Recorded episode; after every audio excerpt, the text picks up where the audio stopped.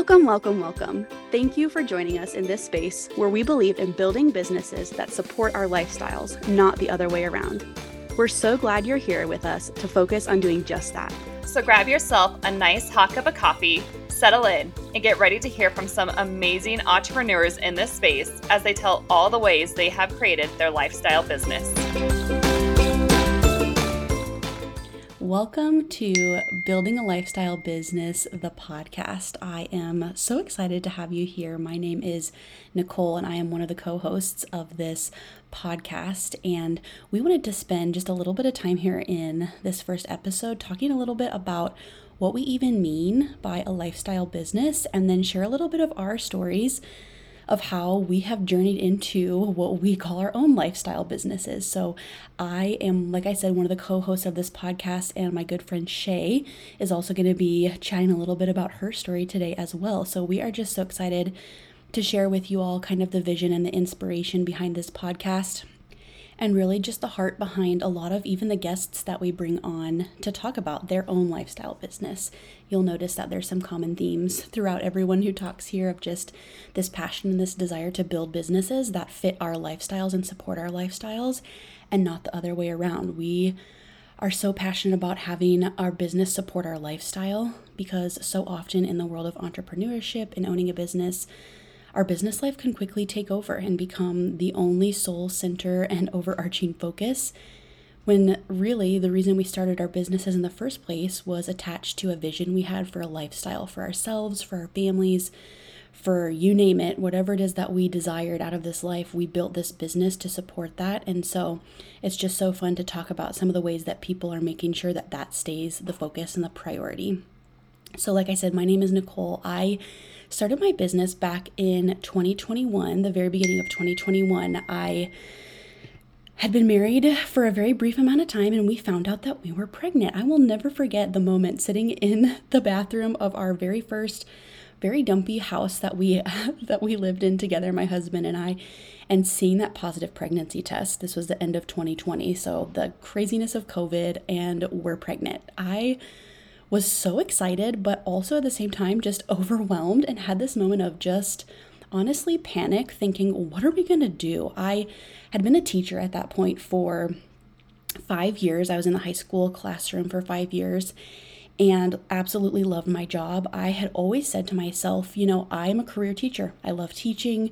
It's my passion. Um, you know, I, I don't dread getting up and going to work every day. I actually really look forward to it. And so even when we were going to have kids, I had thought to myself, you know, I'm going to be a teacher. You know, I'm just going to continue working. And um, that was my game plan until it actually happened, until we actually got pregnant. And I saw that pregnancy test and started really thinking about what life would be with a little one in our family. And everything kind of flipped on its head, honestly.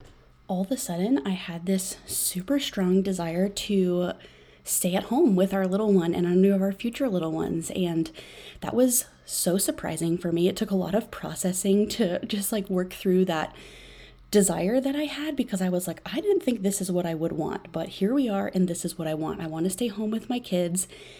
I want to say goodbye to teaching, as hard as that's going to be, and be that stay at home mom. However, our financial situation at the time and even currently, we are a two income household. There was no feasible way that I would be able to just quit my job and be a full time stay at home mom, I needed to be bringing in a little bit of income. And so I just started the frantic Googling. Basically, I remember myself sitting in the living room. I think it was like 11 p.m. It was like late at night, and I was just frantically Googling anything that I could do to earn money while being at home with my kiddo. And oh my goodness, I I explored the wide spectrum of options, you know, from tutoring to remote work to gosh, the options, the list is long when you start when you start going down the Google hole of all the things you can do to try to make money from home. And I stumbled upon a course at that point, and it's actually the same course that Shay and I both took. Um, stumbled upon this course by Micala Quinn that taught you how to start a business as a freelancer, as a virtual assistant. And so I took a leap of faith, bought the course, and dove right in, started my business. I started as a general virtual assistant, did a wide range of services from email management to social media to community management, you know, kind of basically everything because I just didn't know where I wanted to start in the online world. And I just was so blessed because one of my first clients, actually, um, that I was working for just as a VA, she decided she wanted to build an online course, an online program. And she was like, Can you help me with this? And I thought to myself, Of course, like I'll just dive in here and see how this goes. And started helping her build out a membership, a couple different courses that she wanted to sell, etc., and helped her manage those. Um, and really kind of just fell into what is now my sweet spot in my niche of course building. And it's just been so cool to see that come full circle because you know, what I thought I was leaving behind as a teacher has really just morphed into teaching in a new way. Um, which I'm so thankful for because in the beginning I missed teaching so desperately. You know, even though I knew it was the right decision to stay home, I was like, oh, I just miss the classroom, I miss educating, I miss teaching, and I've kind of found this sweet spot in the online world where I get to use those same skills and those same passions just kind of in a different environment and in a different avenue. So that has been so cool. But as I reflect on the journey of my business, you know, my business went full time in the fall of 2021. So I took seven months to kind of get things up and running. And then I stepped away from teaching and went full time with this business. And now, you know, it's been a few, a year and a half since then. And, um, or wow, two years, two years since that beginning time. And as I reflect on my business, I just see so many ways that I had to pivot and adjust my business to support my lifestyle. In the beginning, I was still pregnant when I was starting my business, so I had a lot of freedom to work whenever I wanted to. I mean, I started when I was teaching, so I'd work mornings, evenings, and then, you know, over the summer and once I quit teaching, I had just a lot of flexibility. And then the baby came, and you lose a lot of that flexibility, um, as many of you mothers know. And so I had to kind of readjust to accommodate life with a newborn. And as she has grown, she's almost one and a half now, which is crazy. With every phase of life, I've had to kind of adjust and um, mold my business to support what I want for her. I there have been a couple times in this process when I have found myself thinking, why am like why am i focusing so much on this aspect of my business right now? This is not the point of why i started this. The point was um, to spend time with my daughter. There was one distinct moment when i remember thinking okay my business is growing. It's really successful. I want to take it to this next level. So i need to look into childcare. We can just get childcare for the mornings three or four days a week and um, then I can really take my business to the next level. And it really kind of stopped me in my tracks. Not that that is a bad option. I think that's an amazing option for a lot of business owners. But for me, it was just kind of this like, it halted me in my tracks and I was like, wait a second, that's not why I started this. I did not start this job so that she could be back in daycare or in childcare, even just half days. I'm like, I might as well go back to teaching then. Like, what am I doing? So there was just these really pivotal moments in my business when I had to be so intentional about saying no. My life with my daughter, with my family, has to come first. My business does not come first. My life with her comes first because that's what I feel like I've been called to. And my business is going to mold and meld in around that lifestyle. And so I made just some really practical changes. I remember transitioning from retainer work to project based work. And i remember transitioning from you know big project timelines to vip days. And now i've kind of transitioned back to that project timeline. And there was a point when i cut out live calls. I didn't do any live discovery calls or coaching calls or anything. And i've started adding those back in now. And i think the beauty of that is just coming to the realization that your business can shift and change based on what you need from it at the time.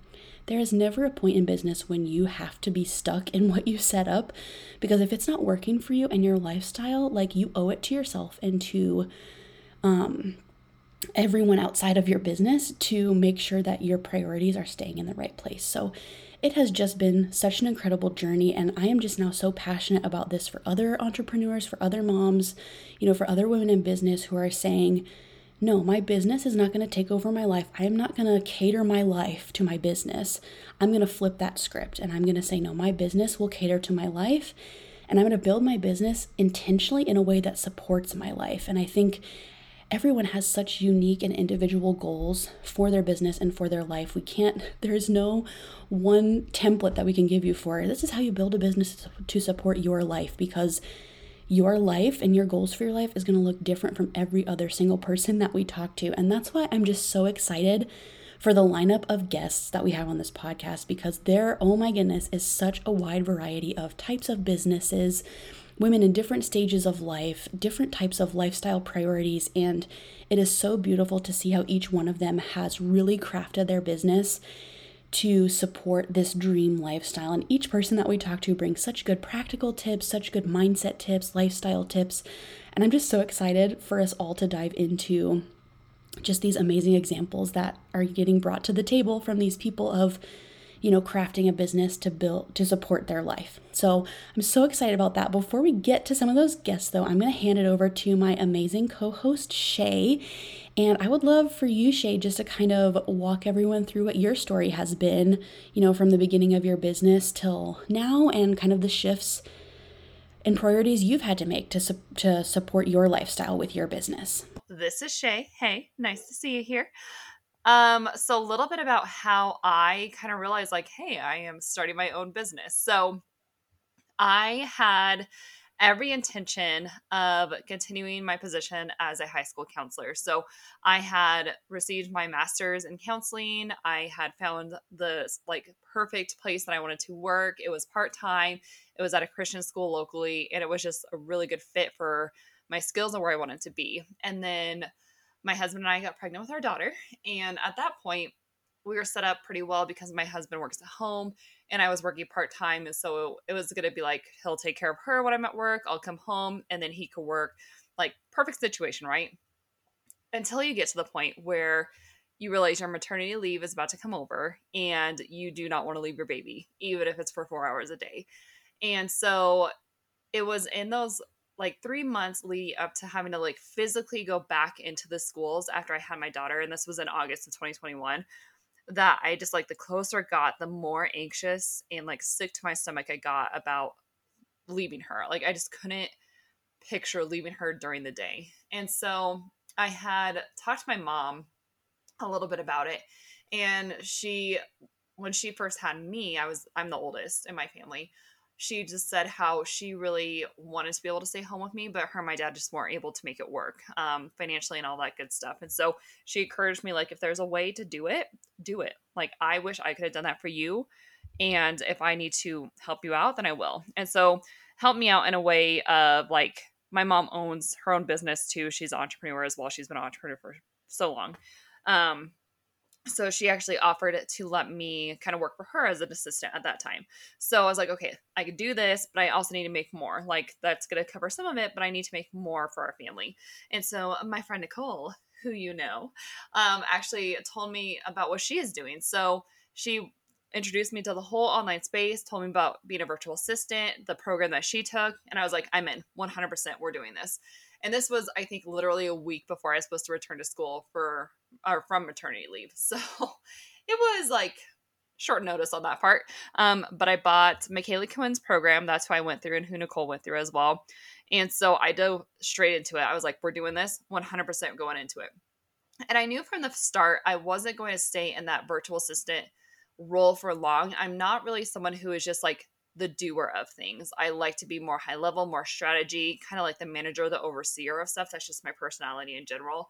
And so I was like, okay, we're going to start here. We're going to start as a virtual assistant in the online space, get to kind of know this world because everybody who is in this online space, I think you probably have had this experience of it's just like a whole new world. You know, going from your typical educational background or brick and mortar or corporate, whatever that is, and then you move into the space where it's like behind the curtains, there's like a replica of what's brick and mortar, it's just online, is insane. It was like such a cool thing to learn about. But, anyways, being able to really get into the virtual assistant role and learn about these online businesses and learn about these different programs that I had no idea what they were, like Honeybook and ClickUp and Dubsado and all the things, right? So, I got into the space, started to kind of like poke around in it, see what I like to do, knowing in the back of my mind that I was going to transition into something that was going to be a higher level than just a VA. So go down the road a couple months and I decided, okay, I'm going to go into Dubsado. Like, I really like the idea of doing systems and really having control. Like, I like the idea of project based. So I'll be able to do what I want, do it on my own timeline, be in and out, move on. And then that slowly transitioned to okay, I'm doing Dubsado. I want to go even higher than that. So I decided to go into the OBM and the DOO program in the summer of this last year, so summer of 2022. And that's really kind of where I found my place, like where I wanted to be in this online world. So as I got into that, like still in the back of my mind thinking about okay what can i do to use my skills what am i going to do that's really going to support that life that i want to live and also making sure that it's something that i enjoy doing because i don't want to get into this and not like what i'm doing day to day it's just not worth it to me so as i was going through the obm and the doo programs like continuing to do dubsado builds on the back end but really thinking about where do i want to transition and move to once these programs are over and so as December approached and I got to the end of my certifications, it was very clear to me that I wanted to stay project based as much as I can. I love the flexibility in it, I love the control of it. And I like, I mean, it's tough in the sense that you always are having to get new clients um, pretty consistently. But at the same time, I like that I could take time off when I want and it's not having to tell someone else about it. So I knew that for my lifestyle for sure what I wanted to do.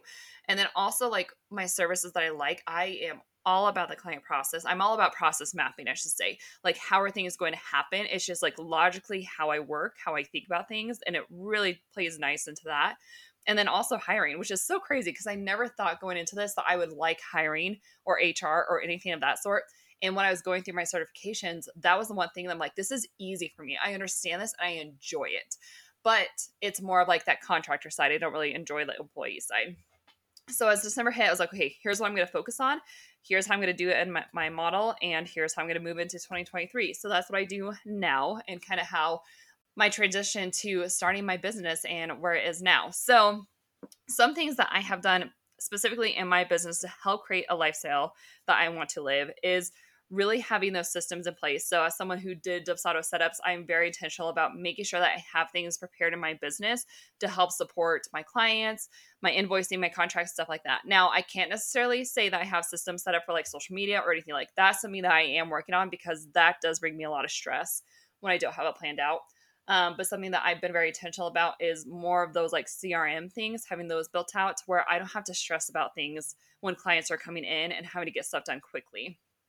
Another thing, I've kind of mentioned this already, is really being specific on what I want my offers to look like and what I want them to look like in a specific model. So that's project based for me because again, I like, I know myself really well and I know that I give so much when I'm in specific positions.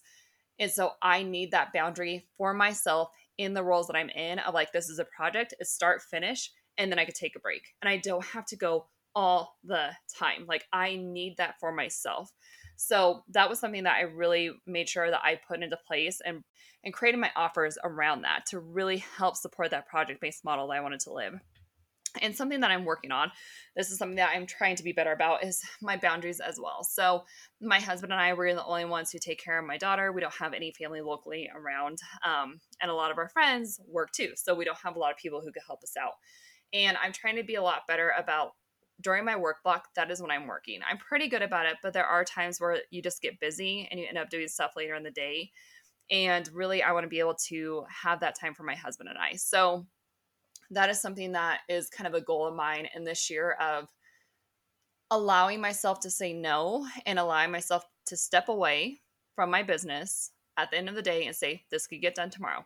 I have time tomorrow for this. So that's something that, again, it's I know it will help my lifestyle. It will help me have more time for the things that I love my family, lifting, going out with my friends, hanging out with my husband, all those things, right? So, being more intentional about that this coming year is a goal that I have to make sure that my business is supporting my lifestyle.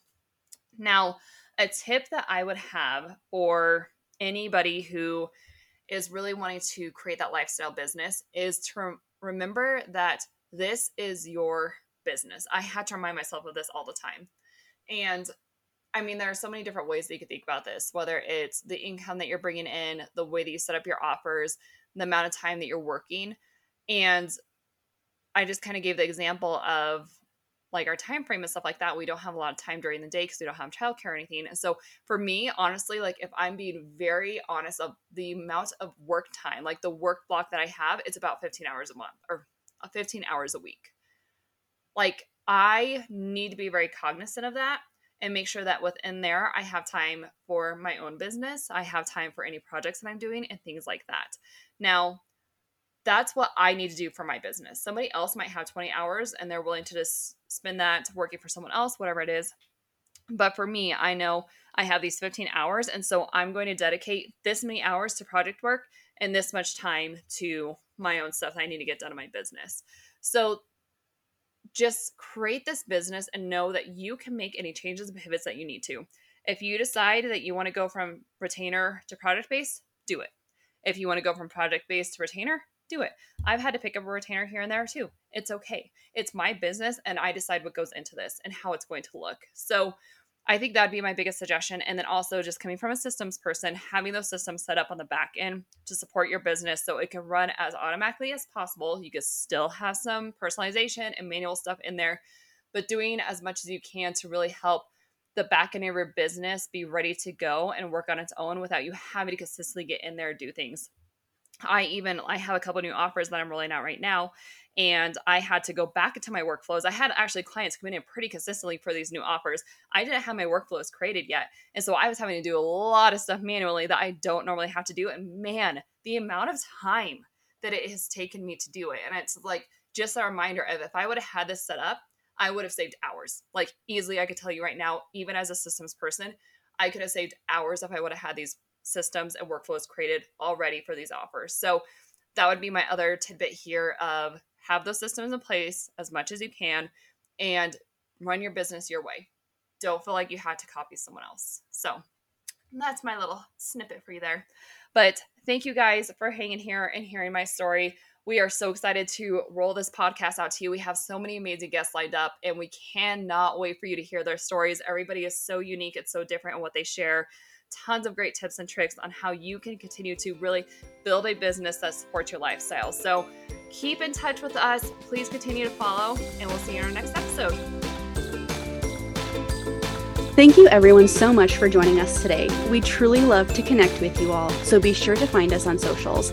I'm on Instagram at hello underscore Nicole Lehman. And you can find me at shayhoward.co. Remember, friend, you're allowed to build your business your way, and we'll see you in our next episode.